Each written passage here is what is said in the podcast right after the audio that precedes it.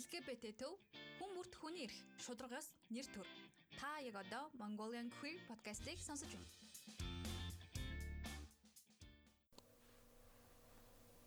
За сайн байцгаана уу эрхэм мөндөд сонсогчдоо. Mongolian Queer podcast-ийн ээлж дугаар маань эхэлж байна. За тэгээд манай байнгын сонсогчид маань бас мэдэж магадгүй ерөнхийдөө бол улирал тутамд ямар нэгэн байдлаар мэдлэг олгосон чухал хэрэгтэй мэдээллийг хуваалцсан подкаст хийдэг байгаа. Тэгэхээр өнөөдрийн дугаар маань та бүхэнд маш их өгөөжтэй шин мэдлэг олгоно гэж айгүй найдаж өнөөдөр зочноо урьлаа. За манай зочин маань өөрийгөө танилцуулна. За сайн байцгаана уу. Намайг Цолмон Туя гэдэг. Аа би сая 6 сард Америкийн нэгдсэн улсад Хавай мужийн их сургуульд магистрийн зэрэгээ нийтийн удирдлага болон эмэгтэйчүүд судлал буюу Women Studies-аар горлоод ирсэн. Тэгээд гендер судлал, эмэгтэйчүүд судлал, хүний эрх ялангуяа ялгуурлан гадуурхалтыг нийгэмд ямар байдлаар бид нэр зогсоох ёстой гэдэг дээр яг хувь хүний үднээс их анхаарч энэ талаар илүү их зүйл хийх хийж тэ нийгэмдээ оролцоотой байхыг эрхэмлдэг нийгэм байгаа. Аа. За манай зочин маань өөрөө их хэлж холбогдоод энэ талаар мэдлэг ойлголт түгээмээр байна гэж битсэн байгаа. Тэгээд үний үндсэн дээр бит хоёр уулзаад хамгийн ихэнд подкаст хий. Тэгэж олон нийтэд бас хүрье гэж одоо ажиллаа эхлүүлээд явж байна. Тэгээд хамгийн ихэнд болохоор ер нь яагаад бид нар анхаарах ёстой вэ гэж асуулт тавьж эхлэе. Яагаад одоо энэ подкастыг жишээ нь сонсох ёстой вэ? Яагаад та бас оролцох нь чухал юм бэ? За тэгэхээр за би өөрөө болохоор нийгмийн нийгмийн ухааны хүн байхгүй. Тэгэхээр хүн төрлөختөн өөрөө бид нар чинь хүн гэдэг тодорхойлолтойгоо юунаас аваад байгаа яагаад хүн болоод байгаа юм бэ гэхээр нийгэм маань бидний амьдарч байгаа нийгэм хөгжиж буй дотор нь амьдарч буй боловсралж буй нийгэм маань ямар behavior зан төлөв гаргаад байгаа ямар behavior-ыг өдөөгöd байгаа юм юуг заагаад байгаа юм хаашаа яваад байгаа юм Энэ бүгдээс чинь соёл те нөгөө culture соёл бидний дадал зуршил энэ бүхнээс үүдээд бид нар чи ер нь нөгөө нийгмийн амтан гэж хар ухаанаараа яриад идэг зүйл чинь ер нь нийгмийн ухааны хувьд бол тэр тодорхойлт байхгүй бид нар бол нийгмээсээ ямар хүн байхыг нийгэм маань тодорхойлж өгнө. Тэгээд энэ маань дандаа хувьсан өөрчлөгдөж идэг.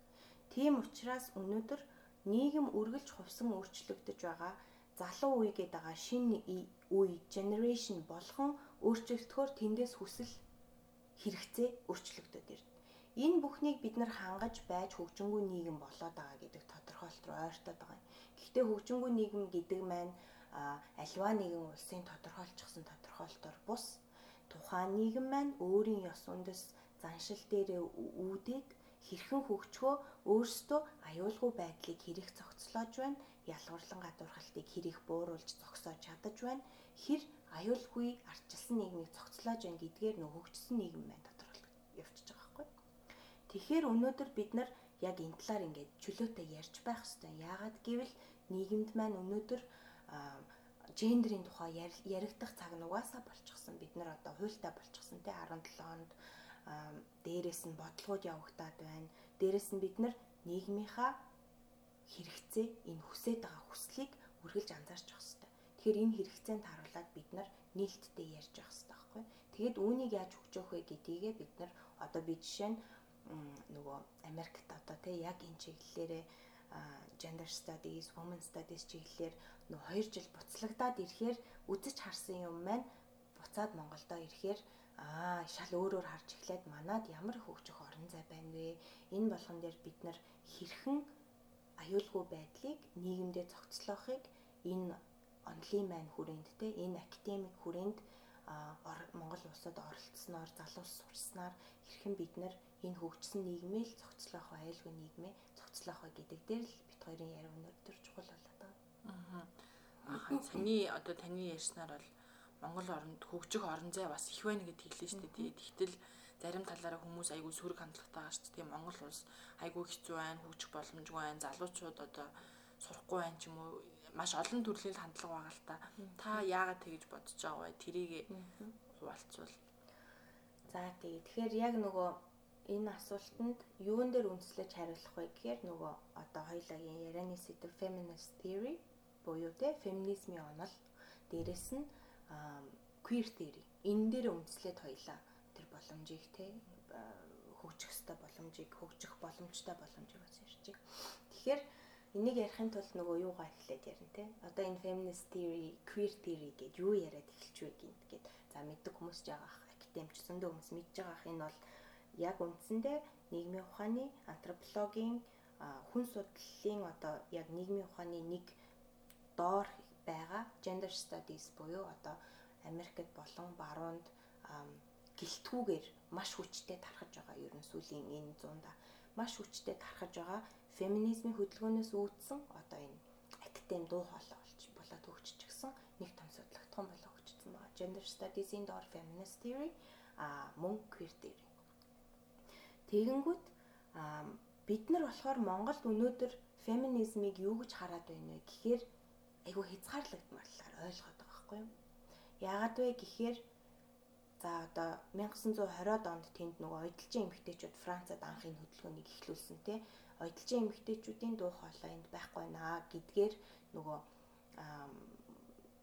labor force үүсгэхийн тулд нөгөө ажиллах эрхээ аюулгүй болон тэгш эрхтэйгээр ажиллах эрхээ хамгаалуулахын тулд ойдлжийн эмэгтэйчүүд нэгдээд сонин гаргаж эхэлж исэн хөдөлгөөн. Тэгэнгүүт хэр бид нар тэрийг мэдхвүлээ. За Google-с нэг феминизм гэж уншлаа. Тэгэнгүүт феминизм гэдэг маань өөрөө нэг ингээ глобалчлагдаад нэг тодорхойлогдчихдаг зүйл биш байхгүй юу? Яагаад гэвэл нийгэм болгон дээр өөр асуудлууд те. Эмэгтэй хүмүүст учирж байгаа эмэгтэй хүмүүсийн дарангуйлал, ялгуурлан гадуурхал, тэгш бус ингээд эрхээ эдэлж чадахгүй байгаа нийгмийн асуудлуудууд маань нийгэм бүрээр өөр болоод цаг заалганаар өөр. Одоо бид нар feminism гээд 1920 оныг яриад байхгүй. Энэ маань 2019 онд яаж өөрчлөгдөж байна? Энд глобал утгаар даяарчилсан нийгэмнэр яаж яригдгүү? Аа, үүнээсээ гадна нийгэм нийгмээрээ буюу transnational feminism гээд Америкт ийм феминизм яригдж байна. Энэ дөрөвдүгээр wave яваад байна. За тэгвэл энийг энтгэх дээр яг ижилхэн дөрөвдүгээр wave дээр дөрөвдүгээр давлгаан дээр явж байна. Гэт яривал эн чинь буруу болчих Тийм учраас бид нар нэгдүгээрт хамгийн түрүүнд феминизм гэдгээ өөрөө бид Монголд юу болоод байгаа, яагаад байгаа, хаанаас үүдсэн, асуудал юу байна, ямар төрлийн асуудал байна, энд ямар эрхийн зөрчил явагдаад байна, юуны төлөө феминизм Монголд байгаад байна гэдгээ эхлээд өөрсдөө бид нар мэдэх хэрэгтэй байхгүй. Энийг мэдхийн тулд одоогоор юу байгаа вэ гэхээр төрийн бас байгууллагууд байна те. За феминистүүд байна, активистүүд байна. Гэхдээ энд асар том орон зай юу дутаад байна гэхээр нөгөө feminist theory онлын хөгжил дутаад байгаа байхгүй. Gender studies гэж юу байгаад байна? Feminist theory юуг судлаад байна? Үүнээсээ үүдээд queer theory юуг хараад байна? Манад энэ хөгжиж гин үгээ бид нар боловсролын системтэй бас уялдуулж харах хэрэгтэй байхгүй. Тэгэхээр энд л боломж нь байгаа. Хоосон орон зай тэнд оршоод байгаа байхгүй. Яг одоо нөгөө нэг альва нэг боломжийг тодорхойлохын тулд нөгөө би сая хэлсэн шүү дээ. Нийгмийн хөгжлийг тодорхойлохын тулд яг энэ нийгэм шиг байна гэж тодорхойлоход энэ бас харьцангуй ойлголт болчихно. Яагаад гэвэл тэнд нөгөө хайрарки буюу нөгөө шат дамнсан юу үсээд байгааз хүч үсээд байгааз заавал ийм байж ич хөгцсөн болно. Биш ээ. Харин бид нэр яг үнэхээр өөрсдийнхөө нөгөө нийгмийнхаа одоо байгаа байдал бидний ерөнхийдөө соёл юу вэ? Бидний ихтгэл үнэмшил юу вэ? гэдэг дээр үндэслээд бид нар өөрөө те энэ тэрийг Монголдо хөгжүүлж байж тэр дэлхийд дахинд байгаа онлоосоо уудаалж тэндээс удаалan хөгжүүлээд өөрсдийнхөө асуудлыг зөв гаргаж ирж энэ дуу хоолойгоо нэгтгэх боломж нь ер нь бол манад байгаад байгаа гэж хараад байгаа байхгүй. Тэгээ хамгийн түрүүнд яах хэрэгтэй гэхээр энийг оршдыг мэтгэл ёстой. Аа. Яг юу яг юу оршоод байна? Хөгжингүү нийгэмд одоо жишээ нь миний зүгээр жишээгээр Америкийн нэгдсэн улсын Хавай мужид gender studies, gender гэдэг тодорхойлт өөрөө яаж яваад байна? Академик ертөнц энэ ямар том салбар юм бэ бүр.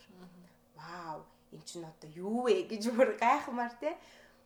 Тийм яг хөгжлийг нь ингээд ойлгоод дотор нь ороод хамт буцлаад ингээд нөгөө хүмүүстэй түүн дээрээ ярилцаад ирэхээр яахын аргагүй аа бидний те Монголд одоо феминизмыг яаж хөгжүүлэх вэ? Яаж ойлгох вэ? гэхээр энэ онол гэдэг зүйлийг л сурах нь аюул татаад байгаа байхгүй. Тийм учраас л хоёлаа одоо энэ яриа чухал дээрээс нь гол хэрэгтэй тэр орон зайгаа ингэж л харах хэрэгтэй. Асуудлаа хардаг бол боломжоо давхар харж байгаа. Энэ чадварыг л суулгах. За тий сая нөгөө онол гээл аюу их юм сонслоо. Ерөнхийдөө бол одоо онол яаж бас нийгэмд нөлөөлтийн тий онлын хүч яг хэрхэн одоо буудгийн энэ нь цаашдаа ямар одоо үр дүн авчирч болох юм бэ гэдгийг бас тодруулбал зөв зөв. Тэгэхээр яг ингэж байгаа. За одоо маш энгийнээр хоёлаа ярил л да. За хоёлаа одоо ингэж битгэлцлээ гэж бодъё тий. Одоо хоёлаа ингэж нэг хідэн хүнтэй суучихсан. Тэгэл нэг сэдв дээр мэтгэлцлээ. За одоо гендрийн тухай. Мэтгэлцлээ. За тэгэнгүүт хоёлаа альва зүйлийг өөрийнхөө аргумент буюу өөрийнхөө санал нийлэхгүй байгаа зүйлээ тайлбарлахын тулд за мэдээж ихлэ бухимдаж магадгүй тий хэрвээ би юу яриад байгаа юм бэ? Зөвхөн ир юм гэсэн төрмөл хүйсээр гендрийг хязгаарлах юм аа гэд одоо чамруу дайраад байна тий тэгээ би энийгээ тайлбарлахдаа одоо би айгүй цэгцтэй хэлчлээ гэж бодъё л да за за за ийм ийм үднээс ийм ийм түүхэнд ийм юм байсан учраас манай нийгэмд те одоо Чингис Миксийн түүх гээл оруулаад л айгүй цэгцтэйгээр би аргументаа өгөөд чамайг чимэг болгочлаа гэж бодъё да. Тэнгүүд эндээс чи өөдөөс хэрвээ чи аргументаа сайн хэлж чадахгүй үгүй ээ гендер гэдэг болвол нийгмээрээ констрактед те цаг үеэрээ тухайн тухайн бидний орчин оршиж буй газар соёл түүх үүнээс улбаалаад гендер гэдэг ойлголт бол бүсээс давж ойлгох зүйл. Энэ хүний эрхтэй. Энийг бид нар юу гэж ойлгох ёстой вэ гэхээр гээд айгүй гоёор чи бухимдахгүйгээр тайлбарлаж чадах чадварыг энэ онол гэдэг юм өгдөг байхгүй. Тэгээд энэ дээр чинь нөгөө бидний нөгөө хэрүүлгүй, маргаангүй ятаж бие бинийгаа сонсдог альва зүйлийг хин нэгний хэлсэн үгийг тодорхойлсон тодорхойлтыг маш нухацтайгаар нөгөө critical thinking гэдэг байгаа шүү дээ. Шүмжтэйгээр харж чадаад аа энэ дээр ийм ийм үүднээс би ингэж ойлгож байна. Таны яг ингэж хэлсэнтэй чинь би ийм шалтгаанаар санал нийлэхгүй байна гэд хэлэх чадварыг л хөгжүүлэх гээд байгаа байхгүй онлын хүч бол тийм. Түүнээс биш зүгээр ном уншаад хідэн хүн тэндээ зүгээр юм бичээд байгаагаар харж болохгүй. Сургууль дотор суудаг. Ингээд зүгээр сургууль гэдэг барилгын дотор ороод тэр хүмүүс номын сангаас ном авч уншаад тэгээ болоо. Үүний цаана үгний асар том хүч гэж байгаа манай нийгэмд одоо энэ хэрэгтэй. Яагад гэвэл гендер гэдгийг өөрөө манай нийгэмд ойлгох ойлгоцсон байхгүй. Яагаад гэхээр юу вэ гэхээр энийг ярьж байгаа хүмүүст маань хэлж байгаа хүмүүст маань тодорхой хэмжээгээр онлын мэдлэг дутаад байгаа байхгүй. Далаацтай тайлбарлахын тулд тий. Тэгэхээр онол гэдэг нь өөрөө feminist theory, queer theory, gender theory энэ бүх онолуудыг яагаад үзээд байдаг вэ? Яагаад чухал юм бэ гэхээр бид нар хэрүүл маргаангүй би биэндээ маш бодтой, тайлбартай ойлгоход амраар энэ мэдээллийг ингээд ярьж хөгжүүлэх боломжийг л бүрдүүлчихэж байгаа. Түүнсэж маргалтаад л чиний буруу, миний зөв, чи тийм ийм байна гэдэл хэрэлдээл дуусаад бухимдал дуусах шүү дээ. Энд нэг зүйл, нэг сэдвийн талаар олон өнцгөр эвтэй найртайгаар ярих орчин айгүй гоо бүрдээд өгч байгаа байхгүй. Надад бол тэгжэл санагдсан. За одоо ингээд бит хоёрын яриа нөгөө гендер ба хүйс гэдэг дээр айгүй их толгоо эргүүлэх гээд байгаа юм шиг санагдлаа. Манай сонсогчид бас одоо сонсоод одоо гендер гэдэг нь одоо яг юу юм хүүс бишээс юм уу гэж бодож иж магадгүй. Энэ дээр хоёулаа тайлбар өгье тий. Тэгээ тэгээ. За яагаад гендер гэдэг тодорхойлт өөрөө гараад ирсэн бэ гэхээр гендер гэдэг маань За хүүс яриад эхлүүл хоёлаа нөгөө төрсний гэрч таныг төрөхөд төрсний гэрчлэгийн дээр чинь ямар хүйсийн тодорхойлт байна гэдгийг хүйс гэж өгöd байгаа юм тий. За англиар бол энийг sex гэж яриад байгаа. За тэгэнгүүт gender гэд ирэхээрээ gender гэж яагаад тодорхойлт үүсэх ёстой болсон бэ гэхээр дахиад хоёулагийн төрөө ярьсан нөгөө нийгмийн хөгжил. Дээрэс нь нийгмийн хувьсал. Нийгэмдэр оршиж буй хүн болгон тэгшэрхийг хүртэх эрхтэй тэр нь угаасаа ингээд цаанаасаа бид нар хүн төрөлхтөө одоо нийгмийн хөгжилтөө тэрийг тунхаглалцсан. Хүний эрхийг бид нэр дээдэлдэг homo sapiens-ууд болчихсон.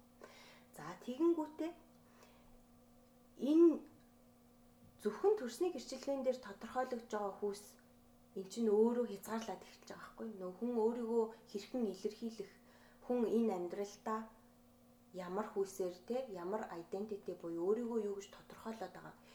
Тэр маань өөрөө нийгэмдэр зөвхөн тэр хоёр хүүсээр хязгаарлагдахгүй учраас эн чинь гендер гэдэг ойлголт маань ямар ч юугүй одоо нөгөө гендер ийм байх хэрэгтэй гэдэг одоо хүртэл бид нар нөгөө төгсгөл нь нээлттэй байгаа гендер гэдэг ойлголт бол. Бид нар өнөөдөр гендер дээр за LGBT I за Q одоо indigenous гэд манай хавайд бол орлоод эн чинь LGBT чинь өөрөө LGBT гэж дуус дуусахгүй байхгүй юу? Тийм учраас гендер гэж яригдаад байгаа. LGBT гэд дуусчдаг болвол эн чинь бид нар гендерийг дахиад тодорхойлоод байна гэсэн үг шүү дээ. Хаагаад орхичод байна хөгжүүлэхгүй байна гэсэн үг шүү дээ. Тэгэхээр нөгөө нийгэмдэр нээгдэж гарч ирэх дуу хоолойгоо тусгах тэр бүхнийг авч хилэлцээд хүн болгоны эрхийн төлөө энэ гендер гэдэг тодорхойлолт гараад ирж байгаа байхгүй. Тэгэхээр ингээ ялгаатай болчихж байгаа. Тэгэхээр хүйс гендер хоёрыг яг ижил зүйл гэж ойлгож болохгүй. Зөвхөн хүйсээр гендерийг хязгаарлаж болохгүй гэж ойлгох хэрэгтэй. Тийм тиймгууд нөгөө хүмүүс чинь гендер гэдгийг л хүйс гэж орчуулад байгаа юм биш үү гэд. Яг хөө зарим хүмүүс нийгмийн хүйс гэж орчуулад байгаа юм бас гендрийг. Тэгээд энэ дээр болохоор нөгөө нэг амар их хүмүүс асуугадаг та нар чинь тэгээд ардаа өсөг нэмэл нэмэгдээл ингээл олшроод ах юм гэж үзээд байдаг. Энэ нь одоо юу гэж гоёор тайлбарлах вэ? За тэгэхээр одоо одоо энэ дээр за онлын энэ яг энэ тайлбарламжуудыг тайлбарлахад онлын оролцоо ингээд ороод ирдэг. За theorist-ууд буюу онолчид байна тий. Одоо энэ gender studies, queer, feminist, feminist theory. За нэгдсэн нэгдсэн том umbrella зураг зураглал нь юу юм бэ гэхээр gender studies аахгүй юу? Гендрийг судлаад байна шүү дээ. Энд ч одоо асар том юм судлагдсан болоод хөгжөөд байна. Тэгэнгүүт а онолчид за би нэг нэр дурдчихъя те. За Францын философер Мишель Фуко хамгийн анх Фукои болохоор гендер дээр голчилдоггүй хэрнээ Мань хүний яг хэлж үлдээсэн тодорхойлт асуултууд энэ яг gender studies үүсэж хөгжөхөд маш том юм нөгөө судлагдхууныг тэлж өгсөн байхгүй. Тэр Францын философер хоёр асуултыг үлдээчихэж байгаа. Нэгдүгээрт хинд ярих эрх нь байна. За хинд ярих эрх нь байна. Тэгээ энэ болохоор ингээ political question. Тэгэнгүүтээ аа үүний дараагаар нь болохоор юуг яригдах боломжтой байгааг хэн шийдэж байна. Тэгэнгүүт энэ дээр нөгөө нэг нийгэмдэр байгаа нөгөө хайрарки нөгөө гендер гэдгийг хэн тодорхойлох гээд байна? Гендер гэдгийг ярих эрх нь хүнд байна? Гих мэдчлэн энэ одоо философи асуултууд бол явчихж байгаа шүү дээ. Үүнээс улбаалаад гендрийн онолчид за жишээ нь Judith Butler гэж эмэгтэй байгаа. Judith Butler бол gender studies-ийн урдаа барьдаг активист бичигч хүн баггүй. За мань хүн 16 наснда 16 наснда Йейл рүү гараагаа эхэлсэн. Мань хүний академик түүхэн хөгжил нь Йейлээс эхэлж байгаа тийм Йейл их сургуулиас. Тэгээд тэр хүн лекцэн дээрээ хамгийн Йейл рүү явах лекцэн дээр юу гэж хэлсэн бэ гэхээр I'm gay and I'm going to Yale. Би gay, би зарлаа, би come out яг одоо хийлээ. Тэгээд би Йейл рүү явах гэж байна ингэж гараагаа хийгээд одоо Judith Butler бол бидний gender studies-ийн урдаа барьдаг онолч. Энэ хүний бичсэн бичвэрүүдийг уншаад за тэ жинхэнэ нөгөө бүх эмоц маань гарч ирээд өөрөө өөрийнхөө ихтгэл үнэмшилд асуулт тавиад гендер гэдэг ойлголтыг бүр гендрээс давж яаж харах вэ? Энэ бүхнийг бид нарт суулгаж өгдөг байхгүй. Тэгэхээр нөгөө хоёулагийн одоо нийгэмдэр ингээл гендер хүйс гэл маргаад байна гэж штэ. Тэгвэл бид нар гендерээс цаатахыг харах чадварыг энэ онолчод өгөөд идэх байхгүй. Тэгж байж бид нар нийгмээс гарч ирж байгаа асуултуудын цаатахыг олж харах чадвар хөгжиж байж энэ асуултуудыг бид нар засварлаж чадна. Заавал энэ яагаад ийм мэтгэлцэн байх ёстой гэж яагаад хоёрхан сонголттой мэтгэлцэн байх ёстой юм те? Яагаад гурван тайлбар тавих боломжтой асуултуудад бид нар хариулахын тулд ингээд энерги бараад зовоод байх хэрэгтэй. Үгүй хэрвээ бид нар үүний цаатахыг хараад beyond gender те beyond gender хараад сурчих юм бол нэг тодорхойлтын асуудал дээр нийгмээрээ санаа зовхгүйгээр ингээд зүгээр хамтдаа ир нэгдэлтэйгээр гол зорилгоо мэдэж аваад гол зорилго нэг энийг тодорхойлохтой биш юм байна. Гол зорилго маань бид нар хамтдаа эвтэй аюулгүй хүн болгон тэр эрхээ эдлэх тэр нийгмийг л бүрдүүлэх юм байна гэж талхаж явж болно шүү дээ.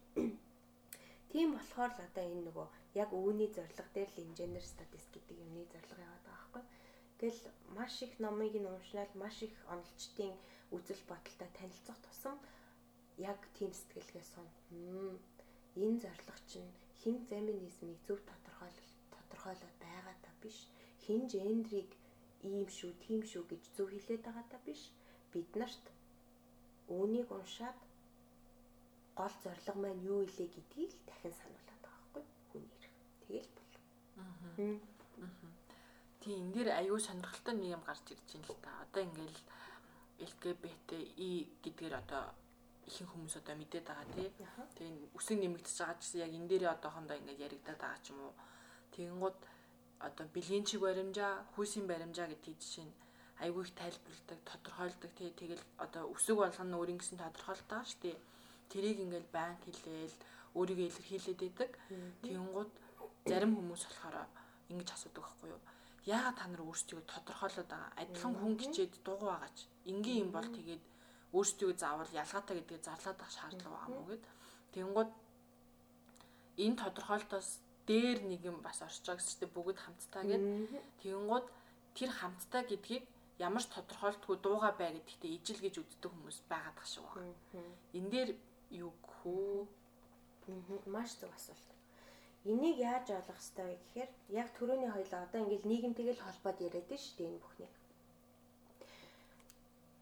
альва юмыг одоо жишээ нь чи альмыг хазаж идтiin мэн гэж мэдхгүй хизээч алим харж байгаагүй бол чи альмыг яахаа мэдэхгүй шүү дээ тий. Тэгээд альмыг идэж сурахын тулд яахаа үнэрлэж үзнэ гой үнэр юм уу муухай үнэр юм уу гэдгийг нь ялгах одоо өөр муухай үнэртэй юм үнэрлээд үдцсэн бол алимны гой үнэрийг мэдэх жишээ нь тий. Яг үүн шиг хэрвээ нийгэмд альва зүйлийг ялгаатай салгаатай өөр өөр байдлаар маш олон өнгийн хүн төрлөختөн амьдрдгийг шүү гэдгийг ойлгож авахын тулд нэгдүгээрт ярьтгэл байх хэрэгтэй. Come out хийж авах хэрэгтэй. Тэгж байж энэ нийгэмдэр маань мэдхгүй хүмүүс маань мэддэг болоод олон олон өөр өнгийг хүлээн зөвшөөрч эхэлнэ. Нөгөө айц байхгүй болно. Тэгэнгүүт энд юу цаад болж байгаа гэхээр нөгөө өөрчлөлтөөс айх байдал. За нөгөө тасан зогц болсон нийгмийн одоо тэр бол тий нийгмийн ухаанд нийгэм иймэрэ байх хэвээр. Одоо манаа дээр болохоор юу вэ гэхээр нөгөө 90 оноос хойш шилжилт яг тэр одоо нөгөө арчилсан нийгэм гэж яваад байгаа хэрнээ бид нар нөгөө хуучин нийгмийнхаа үзэл бодлоор амьдарсаар л таа. Яагаад гэвэл энэ бол биднэрт нөгөө embedded буюу бүр ингэ шингэсэн, нэвчин шингэсэн. Тэр үзэл бодол нь нэвчин шингэсэн учраас бид нар тэрийг өөрийн мэдлгүй өнөөдөр ардчилсан гэдэг тодорхойлолтын нийгмийн доор амьдарч байгаа ч гэсэн socialist нийгмийнхаа үйл үйл behavior дадал зуршил үйлдэлүүд үзэл бодлыг хийдэг. Тийм учраас одоо нөгөө гарч одоо гарч ирэх ёстой, come out хийх ёстой энийг яагаад вэ гэж асуугаад нөгөө уурлаад уурсаад та нар иймэрэ бай гэвэл нөгөө тэр хүний ихтгэл үнэмшил нь үдсэн харсан нь ийм байх ёстой гэдэг тодорхойлтыг тодорхойлсон тодорхойлт нь яг эндээ байгаа хгүй.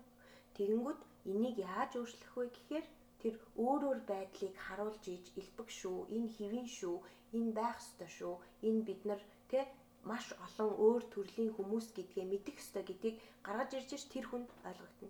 Аа.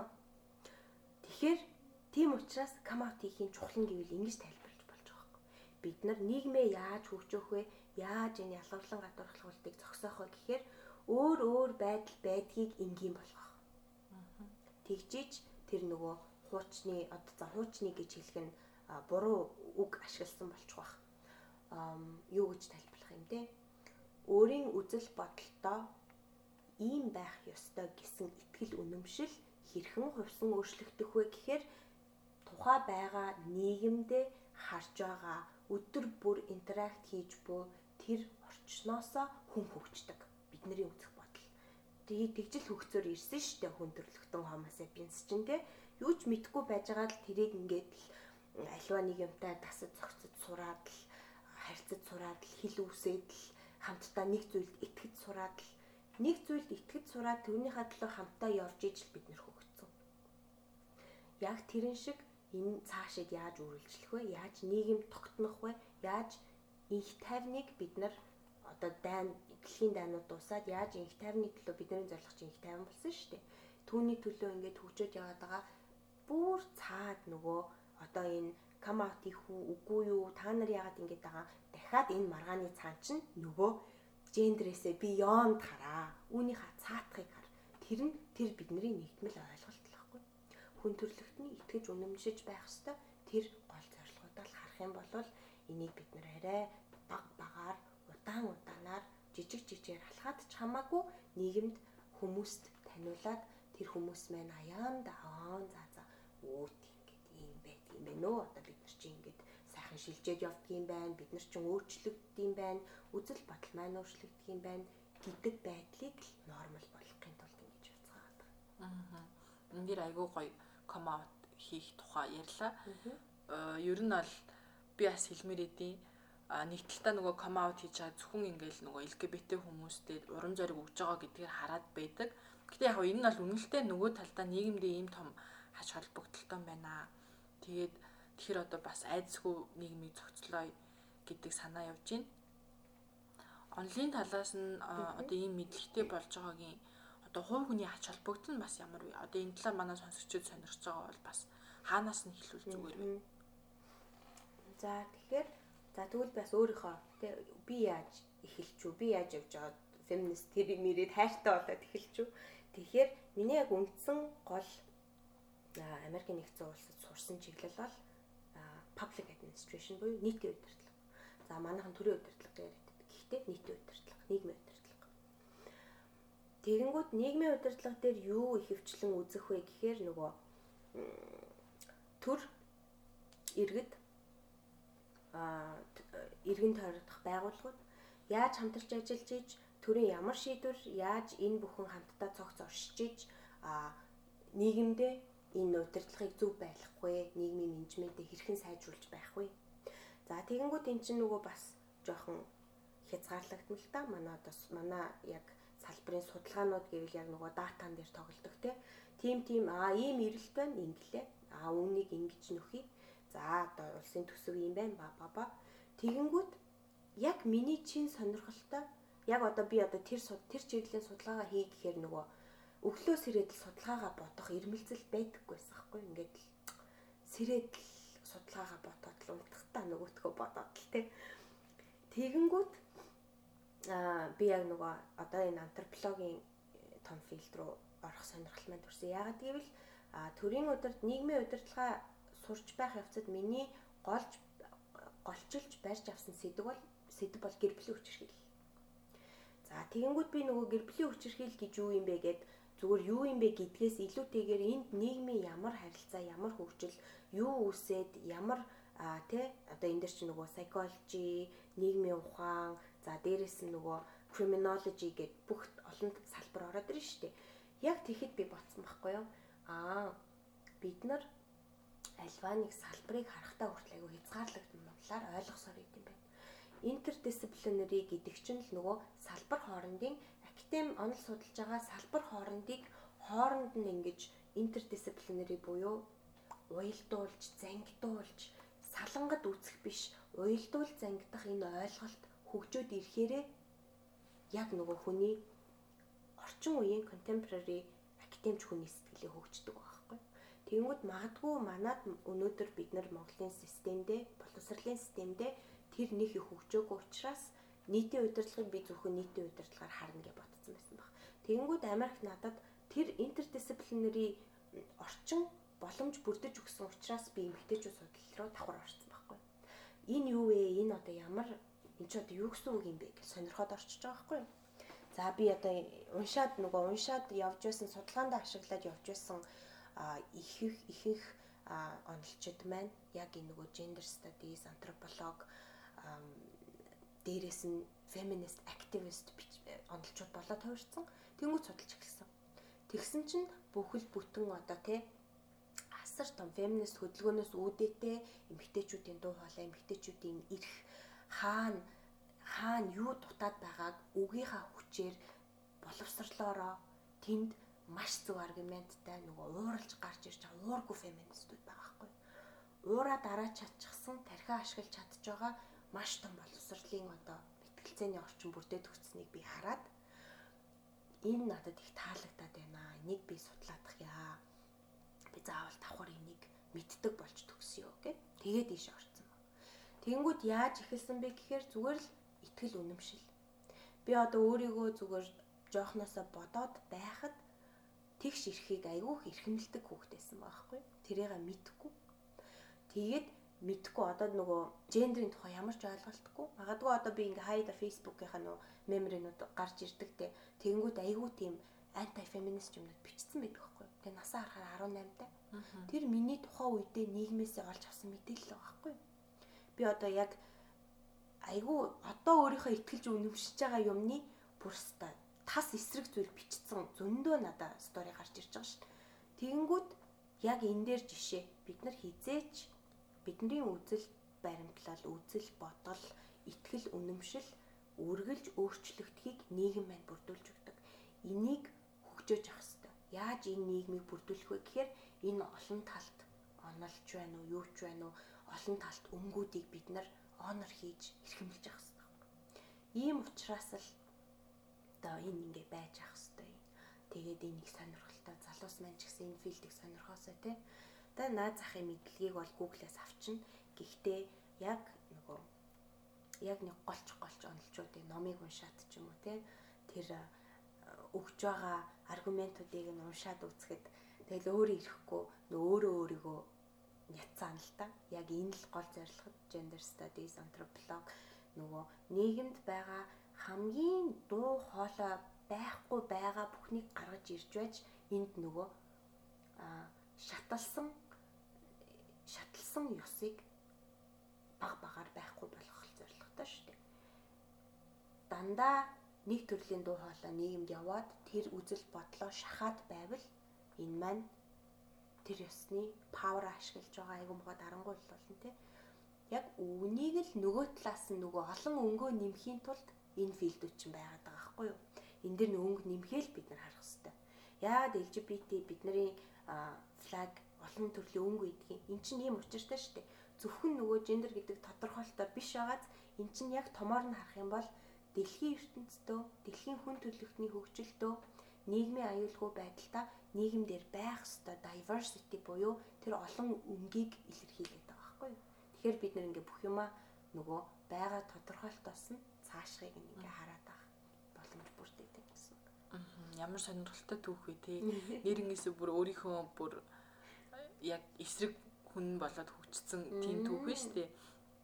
Тэгээд ерөнхий одоо энэ дугаараа бол хоёлаа ингээд өндөрлөө бас зөндөө мэдээлэл авцсан аюу сонирхолтой байсан баг.